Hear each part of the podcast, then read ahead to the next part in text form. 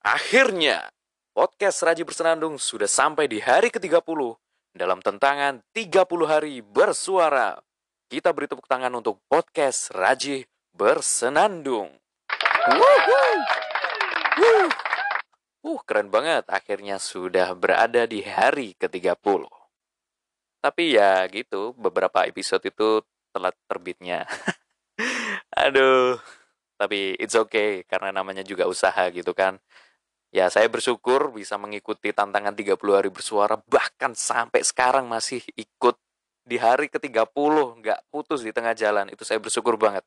Karena dengan ikut tantangan ini, saya akhirnya bisa menghidupkan podcast saya kembali. Karena you know lah, podcast saya itu dari tahun 2018, tapi jarang banget update-nya. Awal-awal ikut dulu episodenya masih 40-an, sekarang sudah 80-an. Alhamdulillah banget.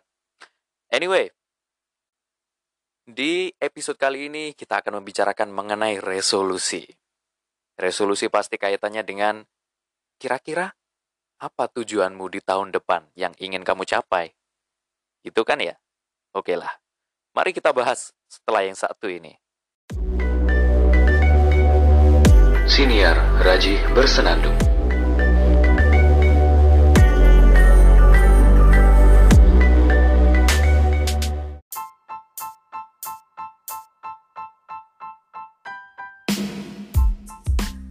Sudah menjadi kebiasaan kalau di akhir tahun orang-orang pasti ngomongin soal resolusi di tahun depan. Mereka akan mikir, tahun ini saya sudah dapat apa aja ya? Tahun ini prestasi saya apa aja sih? Apa aja nih yang perlu dievaluasi? Terus apa aja yang perlu diperbaiki di tahun depannya? Terus orang-orang juga akan berpikir, kira-kira tahun depan saya bakal ngapain ya? Itu kan pikirannya macam-macam. Jadi wajar kalau di mana-mana pasti bahas resolusi-resolusi karena memang pada dasarnya orang-orang itu pingin menjadi lebih baik. Tapi memang tidak bisa dipungkiri kalau mereka sebenarnya melakukan hal yang sama saja. sering kayak gitu dasar aku. Saya sering seperti itu membuat menyusun resolusi gitu di akhir tahun. Saya tahun 2013 pengen kayak gini kayak gini kayak gini. Ternyata di tahun 2013 gak ada perkembangan sama sekali. Berkembang mungkin sedikit. Namanya juga manusia. Oke saya jadi keinget ini sih. Dulu waktu 2012 akhir saya main ke kosan teman kuliah. Waktu itu kami ngobrol asik. Tiba-tiba teman saya ini nyeletuk. J 2013 kita harus ada perubahan nih. Kita harus lebih baik lagi nih aku juga harus lebih baik lagi. Kamu kalau ngelihat aku males ingetin aku ya. Oke, oke, oke bro. Saya inget itu.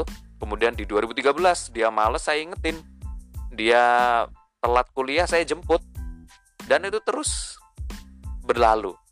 2013 habis, dia ternyata orangnya semakin malas. semakin nggak pernah kuliah. UTS UAS itu nggak datang waduh gimana tuh anak? 2014 juga seperti itu. Semakin lama semakin menurun. Akhirnya dia sampai saat ini belum selesai kuliahnya. Saya doakan segera selesai deh kuliahnya. Sorry banget kamu aku singgung di sini bro. Tapi nggak aku sebutin namanya kok. Aku cuma bisa mendoakan saja. Ini hanya sebagai bentuk pelajaran dalam hidup saja gitu. Maksudnya pelajaran buatku buat orang yang mendengarkan podcast ini juga. Oke. Ngomong-ngomong soal resolusi tahun depan ya. Lebih baik kita mending ngomongnya lebih baik kita mending pemborosan kata. Mending kita ngomongin evaluasi 2020 dulu nih. Evaluasi 2020 dari seorang Raji untuk hidupnya. Oke, di 2020 ini saya tidak ya ya mengalami peningkatan peningkatan banyak lumayan. Terutama dalam hal akademik dan juga e, karya. Pertama akademik dulu. Di akademik saya ini kan di gini saya ini kan student master ya di University Science Malaysia. Kebetulan di tahun 2020 ini saya menjadi asisten supervisor saya. Dan e, banyak bergelut dengan hal-hal akademik aktivitas beliau lah aktivitas akademik beliau. Misalkan mempersiapkan webinar beliau dengan ya baca-baca uh, teks dari beliau kemudian dibuat di dalam uh, PowerPoint. Meskipun nanti PowerPointnya itu dalam bentuk draft dan nanti juga akan dirubah lagi sama beliau. Tapi itu bentuk pembelajaran banget sampai belepotan. Bentuk pembelajaran banget buat saya gitu loh. Lalu saya juga dilibatkan ke beberapa penulisan ilmiah sama beliau Wih, lumayan saya juga di di apa ya istilahnya diba, dibiayain untuk ikut kursus online uh, yang berkaitan dengan metode penelitian. Pertama saya dibiayain ikut kursus Atlas TI. Atlas TI itu software untuk uh, data analysis. Yang kedua, saya dibiayain untuk ikut kursus SPSS. Alhamdulillahnya saya sempat nge-record itu semuanya. Jadi kalau misalkan waktu itu saya nggak sempat denger, bisa saya dengerin lagi sekarang. ya lumayan lah uh, ada peningkatan. Karena di sekitar saya juga orang-orangnya orang-orang yang benar-benar berwawasan luas. Jadi ketika mereka lagi bahas sesuatu ya saya ikut nimbrung. Tapi saya lebih banyak diam. Lebih banyak mendengarkan karena ya menyerap ilmu. Sebenarnya itu beda tipis dengan saya nggak tahu apa-apa sih ya lebih tepatnya saya nggak tahu apa-apa. Tapi keseringan ya jadi kebiasaan. Di mana-mana itu saya selalu memposisikan untuk menjadi orang yang tidak tahu apa-apa sehingga lebih banyak mendengarkan daripada harus menanggapi omongan orang-orang. Karena yang menanggapi udah banyak jadi ngapain gitu saya yang nanggepin? Justru malah mungkin membuat runyam kah dan lain sebagainya. Tapi ya sometimes itu tidak baik. Kalau misalkan perlu saya ngomong ya saya ngomong. Kalau enggak ya buat apa gitu loh jadi lebih baik saya dengarkan aja untuk menyerap ilmunya. Itu kalau dari sisi akademik. Meskipun perkembangan akademik saya ini masih ya kalau secara seharusnya itu masih kurang kurang lah. Kalau secara keilmuannya substansinya insya Allah dapat. Tapi kalau secara formalnya itu masih belum. Karena seharusnya dari kemarin-kemarin saya sudah uh, seminar proposal lah istilahnya ya harusnya sudah seminar proposal tapi nggak seminar-seminar sampai sekarang aduh jeraje ya Semoga nanti di 2021 awal bisa segera seminar proposal. Amin, amin, amin, amin, amin. Biar segera lulus. Oke, itu dari akademik. Kemudian dari sisi karya, saya banyak um, menulis di sini, tapi bukan menulis karya ilmiah ya. Karya ilmiahnya cuma beberapa aja di karya uh, ya menulis bareng supervisor saya. Tapi yang lebih banyak saya tulis adalah tulisan fiksi, khususnya puisi. Wadah. Saya mengirim beberapa tulisan di rahma.id, kemudian tulisan bebas juga, free writing ya, penulisan bebas, tulisan bebas.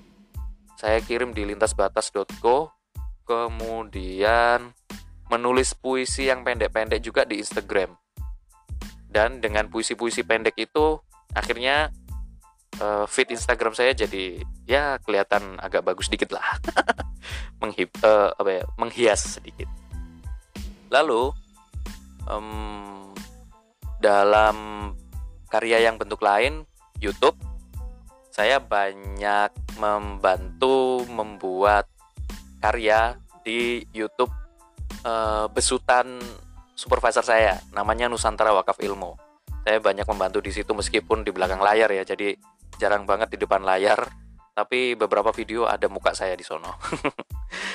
Nah, cuma setelah ini mungkin akan ada banyak muka saya karena saya ditugasi untuk bikin video tentang Atlas TI karena sudah disekolahin kan untuk belajar Atlas TI jadi tugas saya adalah memberikan ya, membagikan share ilmu tentang Atlas TI yang sudah saya dapatkan dengan eh, dari online course itu lalu apalagi di YouTube saya di 2020 ini membuat segmen baru di channel YouTube yaitu ngobrol bareng Raji the next level dengan mengundang orang-orang yang keren-keren dan um, sangat memotivasi. Ada ilmunya, ada motivasinya. Sayangnya tersendat di pertengahan karena persoalan teknis dan juga manajemen waktu yang kurang bagus. Dan kemudian di podcast, saya di podcast justru malah alhamdulillahnya banyak di podcast. Bukan alhamdulillah karena podcast ya, tapi alhamdulillah saya masih membuat karya eh, konten gitu tapi ya kebetulan di tahun ini banyak di podcast dan banyak di akhir tahunnya. It's okay. Lalu uh, di blog itu sangat jarang banget rajibersenandung.com. Saya nulisnya benar-benar mut-mutan kalau di blog, masya Allah. Harus saya berubah itu. Sayang banget soalnya domainnya bagus rajibersenandung.com. It's okay. Nah itu kalau konten. Nah perkembangan-perkembangan yang lain mungkin kedewasaan berpikir ya. Itu ya saya banyak merenung lah, mempelajari perilaku orang, kemudian merefleksikan diri, oh jadi seperti ini, jadi seperti ini. Dan seringnya dengan mempelajari dan merefleksikan kehidupan, saya punya ide untuk membuat puisi. Itu keren banget. Ya, alhasil ya puisinya yang tertuang di Instagram itu silahkan dibaca aja di @raji.araki. Nah, evaluasinya adalah seorang rajih ini ternyata ya begitulah. Sepertinya tidak perlu saya sampaikan di sini ya. Oke, saya sampaikan satu aja ya, satu aja, satu. Ternyata sampai sekarang, Rajih ini masih belum bisa memanage waktu dengan baik. Padahal itu menjadi evaluasi dia dari dulu sampai sekarang. Man manajemen waktunya kurang bagus banget. Jadi ya sometimes dia apa ya punctual tapi kadang juga sering telat. Lucu emang Raji ini, mut-mutan banget kalau soal manajemen manajemen diri dan manajemen waktu. Oke lah nggak apa-apa. Ya itu semoga semoga aja nanti di 2021 bisa diperbaiki. Oke kita ke resolusi. Resolusi pertama sudah diperbaiki sudah diucapkan uh, tadi itu yaitu uh, menjadikan diri ini bisa termanage dengan baik waktunya juga bisa termanage dengan baik. Sehingga tidak ada kelabakan tidak ada tabrakan tidak ada telat. Tidak ada semuanya yang e, tidak ada sesuatu yang tidak siap semuanya siap. Siap maksudnya ready ready untuk dihadapi gitu loh. Yang kedua 2021 adalah target saya untuk menjadi uh, orang yang well known lah sebagai sebagai antara sebagai penulis puisi atau sebagai content creator. Nah, content creator ini bisa macam-macam, bisa YouTube, bisa podcast atau uh, blog blogger. Antara tiga ini. Eh ya kalau konten creator antara tiga ini. Nah kalau misalkan bukan konten creator ya penulis. Penulis puisi paling tidak. Atau kalau bisa menulis buku. Karena saya student master kan student master dan juga sudah berada di uh, Kawah di Muko UMM sudah berada di lingkup akademik sebagai dosen meskipun masih belum mengajar. Oke, ini berkaitan dengan resolusi selanjutnya. Resolusi selanjutnya adalah saya harus segera lulus. Harus lulus tahun 2021 agar nanti bisa segera kembali ke UMM, bisa segera mengamalkan ilmu yang saya dapatkan di sini dengan mengajar. Karena ya dengan seperti itulah saya bisa belajar enak kalau belajar sambil mengajar itu cepet nyantolnya. Karena kalau nggak kalau nggak tahu apa-apa kan ya masa dosen nggak tahu nggak bisa jawab pertanyaan mahasiswa gitu. Jadi kan sebelum masuk kelas akhirnya saya belajar dulu gitu loh. Dan saya harus mempersiapkan materi yang akan saya bawakan yang saya ampu di mata kuliah yang sudah ditugaskan ke saya gitu. Makanya saya sangat tidak sabar dengan hal itu sebenarnya sejak tahun 2019 tapi ya saya jalani dulu studi S2-nya karena memang harus S2 dulu baru bisa mengajar. Itu. Harus lulus dan bisa segera mengajar.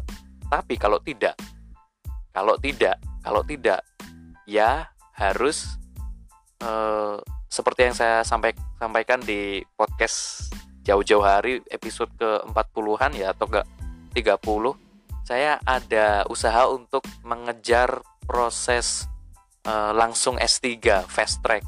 Jadi uh, berjalannya studi master ini di tengah-tengah nanti saya tiba-tiba berubah jadi PhD gitu. Dan ini sedang saya saya coba usahakan bisa atau tidaknya itu. Tapi supervisor saya sangat mendukung. Bahkan kamu harus usahakan itu Raji. Nanti saya juga akan bantu kayak gitu karena memang ada ada mekanismenya di sini ada skemanya bisa nanti akan diuji eh, proposal saya ini eh, penelitian saya ini penelitian master atau PhD kalau PhD maka saya bisa di upgrade ke PhD saat itu juga. Gokil gak tuh? Jadi saya lulus nanti bukan master tapi PhD dan siap mengajar di UMM dengan gelar PhD tentu eh, gelar master dan PhD itu nanti akan beda porsinya. Misalkan porsi mata kuliah porsi eh, aktivitasnya itu akan sangat berbeda sekali justru nanti justru akan membuat saya semakin mendalami lagi dunia akademik. Kalau sudah dapat gelar PhD itu tadi. Cuma itu hanya alternatif. Pokoknya tahun depan harus dapat dua itu. Kalau nggak lulus di tahun 2021 sebagai dengan gelar master atau nggak apa-apa nggak lulus eh, belum lulus dulu tapi sudah ganti status jadi PhD student. Nah itu. Begitulah resolusi selanjutnya mungkin kalau dimungkinkan itu sudah bisa nyeruisin anak orang. Raji. Kalau bisa kalau bisa. Ya semoga ada jalannya. Saat ini saya belum punya pacar ya. Semenjak putus dulu. Tapi ya gimana ya? Rasanya kayaknya nggak pengen pacaran dulu deh. Cuma ya tapi ada rasa untuk pengen ke jenjang yang lebih serius. Sehingga alhamdulillahnya di 2020 ini sedang membicarakan ke arah sana. Sedang berusaha merencanakan ke arah sana juga. Jadi makanya nih kepala ini puyeng juga gitu. Eh, satu sisi mikirin studi tapi sisi lain juga kepikiran ke sana juga. Kayaknya harus fokus salah satu deh. Tapi saya harapannya sih 2021 sudah bisa nyeruisin anak orang gitu ya begitulah. Nggak perlu banyak-banyak dan nggak perlu muluk-muluk. Simpel-simpel aja. Tapi bukan berarti itu semua mudah gitu. Nggak apa-apa. Ya itu resolusi 2021 sih kalau dari seorang Raji. Semoga eh, kita semuanya baik saya maupun para pendengar setiap podcast Raji Bersenandung yang mendengarkan ini tolong jangan ngejek saya gitu. Ini kan saya sharing juga sukarela saya itu sangat bersyukur kalau misalkan anda mendengarkan ya cerita yang saya sampaikan di sini saya sangat bersyukur banget.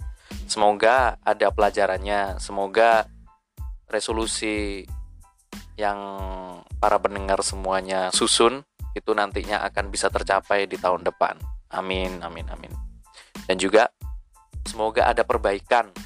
Yang tadinya 2020 itu Anda semuanya masih merasa ada kekurangan atau bahkan mengalami penurunan, semoga di tahun depan bisa diperbaiki dan justru malah lebih baik lagi. Gitu. Karena ya sebenarnya saya malu dengan diri sendiri gitu. Jadi keinget sama hadis Rasulullah. Kalau misalkan ini berkaitan dengan episode yang saya sama Jalil ya bahas soal keinginan dia nyinggung hadis ini Gini, jadi hadis Rasulullah itu ada hadis Rasulullah Rasulullah bersabdanya gini, kalau kamu eh siapa pun yang eh, harinya itu lebih baik daripada hari ke kemarin, dia adalah orang yang benar bahasa Arabnya itu man kana yaumu khairun min amsihi bahwa bahwa robih kalau nggak salah. Ya maka dia akan beruntung apa ya artinya ya? Lupa pokoknya intinya itulah. Kalau misalkan harinya sama dengan hari kemarin maka dia rugi karena sama aja kemudian yang terakhir kalau misalkan harinya itu lebih buruk daripada hari kemarin atau bukan hari lebih buruk ya maksudnya e, mengalami penurunan daripada hari kemarin maka dia malaun. Bahasa bahasa Arabnya itu kan malaun bahasa Indonesianya mungkin disebut merugi. Ya tidak hanya merugi tapi terlaknat. Kalau merugi itu kan karena harinya hari sekarang itu sama dengan hari kemarin. Tidak ada perkembangan tapi kalau hari hari sekarang itu justru malah mengalami penurunan daripada hari kemarin. Maka ya terlaknat itu bukan bukan har, bukan ya bro. Ya bro sayang banget sayang banget gitu loh. Maksud dari hadis itu adalah itu sangat disayangkan. Ya dan saya juga mikir sampai sono juga gitu. Tapi ya setiap hari sering sering aja terjadi ada penurunan dari diri ini gitu ya meskipun satu sisi ada penurunan satu sisi lagi mengalami peningkatan. Ya kita syukuri aja. Well terima kasih karena sudah mendengarkan cuap-cuap aye yang tidak berguna ini. Semoga uh, apa yang kita cita apa yang kita cita-citakan bisa tercapai. Sorry banget omongan saya banyak yang belepotan. Sampai jumpa di episode berikutnya